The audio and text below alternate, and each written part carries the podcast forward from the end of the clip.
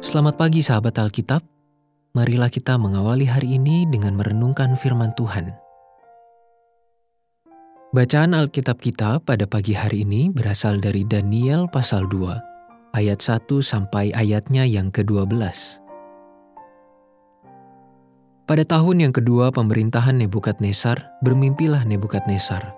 Karena itu hatinya gelisah dan ia tidak dapat tidur Lalu raja menyuruh memanggil orang-orang berilmu, ahli jampi, ahli sihir, dan para kastim untuk menerangkan kepadanya tentang mimpinya itu.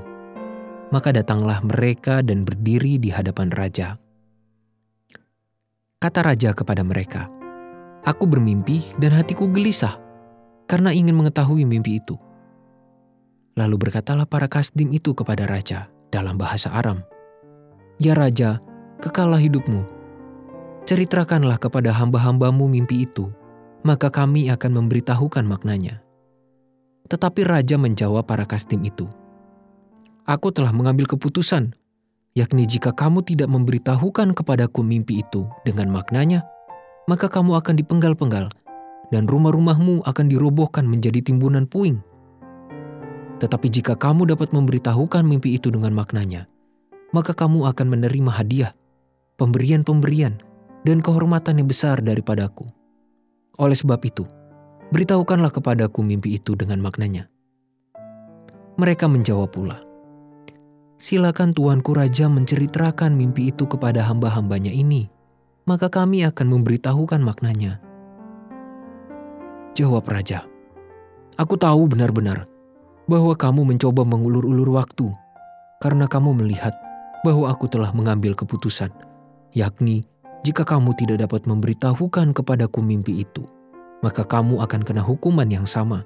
Dan aku tahu bahwa kamu telah bermufakat untuk mengatakan kepadaku hal-hal yang bohong dan busuk sampai keadaan berubah.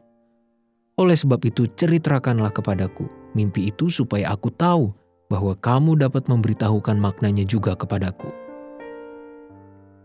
Para kasdim itu menjawab raja, tidak ada seorang pun di muka bumi yang dapat memberitahukan apa yang diminta tuanku raja. Dan tidak pernah seorang raja, bagaimanapun agungnya dan besar kuasanya, telah meminta hal sedemikian dari seorang berilmu, atau seorang ahli jampi, atau seorang kasdim. Apa yang diminta tuanku raja adalah terlalu berat, dan tidak ada seorang pun yang dapat memberitahukannya kepada tuanku raja, selain dari dewa-dewa yang tidak berdiam di antara manusia. Maka raja menjadi sangat geram dan murka karena hal itu. Lalu dititahkannya lah untuk melenyapkan semua orang bijaksana di Babel. Sahabat Alkitab, kita sudah memasuki tahap baru dalam cerita Daniel dan kawan-kawan. Secara khusus mengenai peranan mereka dalam kehidupan personal Raja Nebukadnezar.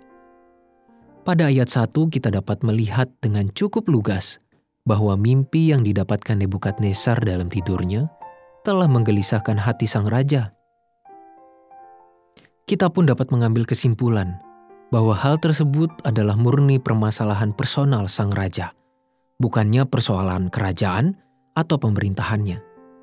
Meski demikian, ia memanggil setiap orang yang juga adalah pegawai kerajaan untuk membantunya keluar dari permasalahan Orang-orang tersebut dikatakan sebagai para ahli, entah secara ilmu sihir, ahli jampi, maupun para ahli tafsir lainnya. Singkatnya, Raja Nebukadnezar mencari bantuan dari para ahli untuk mendapatkan solusi atas kondisinya saat itu. Ternyata, kondisi tidak berjalan sesuai rencana. Harapan Nebukadnezar untuk mendapatkan pencerahan akan mimpinya agar ia beroleh ketenangan dalam tidurnya pun tidak terwujud. Permintaan Nebukadnezar dianggap sebagai sebuah perintah yang tidak masuk akal dan tidak mungkin dapat dipenuhi oleh siapa pun. Para ahli mengeluhkan sikap sang raja yang dianggap keterlaluan dalam menuntut mereka. Tidak berhenti sampai di situ, malahan Nebukadnezar memberikan titah untuk membunuh setiap orang bijaksana di Babel. Sahabat Alkitab, Kisah Nebukadnezar dan mimpinya ini menjadi sebuah contoh sikap manusia yang sedang berada dalam pergumulan, namun kebingungan untuk mencari solusi. Pada satu sisi, permintaan Nebukadnezar kepada para ahli untuk menerjemahkan mimpinya tanpa menceritakan mimpi tersebut kepada mereka terkesan sesuatu yang tidak masuk akal. Namun pada sisi lain, tindakannya adalah tepat. Ia mengharapkan jalan keluar yang murni, bukan sesuatu yang terkesan sebagai solusi. Kesalahannya adalah ia mengandalkan dan menaruh harapan pada pihak yang salah.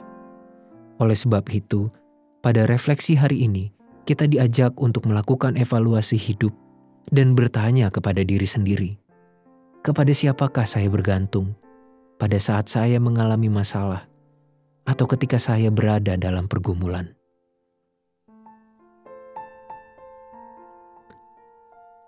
Sekarang, marilah kita berdoa. Ya Tuhan, di dalam segala kondisi hati kami, entah karena permasalahan maupun pergumulan yang saat ini sedang kami jalani, banyak pertanyaan yang muncul di dalam hati, banyak kegelisahan yang kami rasakan. Kami datang kepadamu, kami menyerahkan diri kami, dan kami ingin mencari solusi di dalam Engkau. Tolonglah kami untuk menghadapi semua pergumulan itu bersama-sama dengan Tuhan, sehingga kami tidak tersesat, kami tidak salah orang, kami tidak salah pihak, dan kami tidak salah datang. Inilah hati dan hidup kami, dan kiranya hari ini dapat kami jalani dengan penyerahan diri dan pengandalan akan kuasa Tuhan. Di dalam nama Tuhan Yesus Kristus, kami berdoa dan memohon. Amin.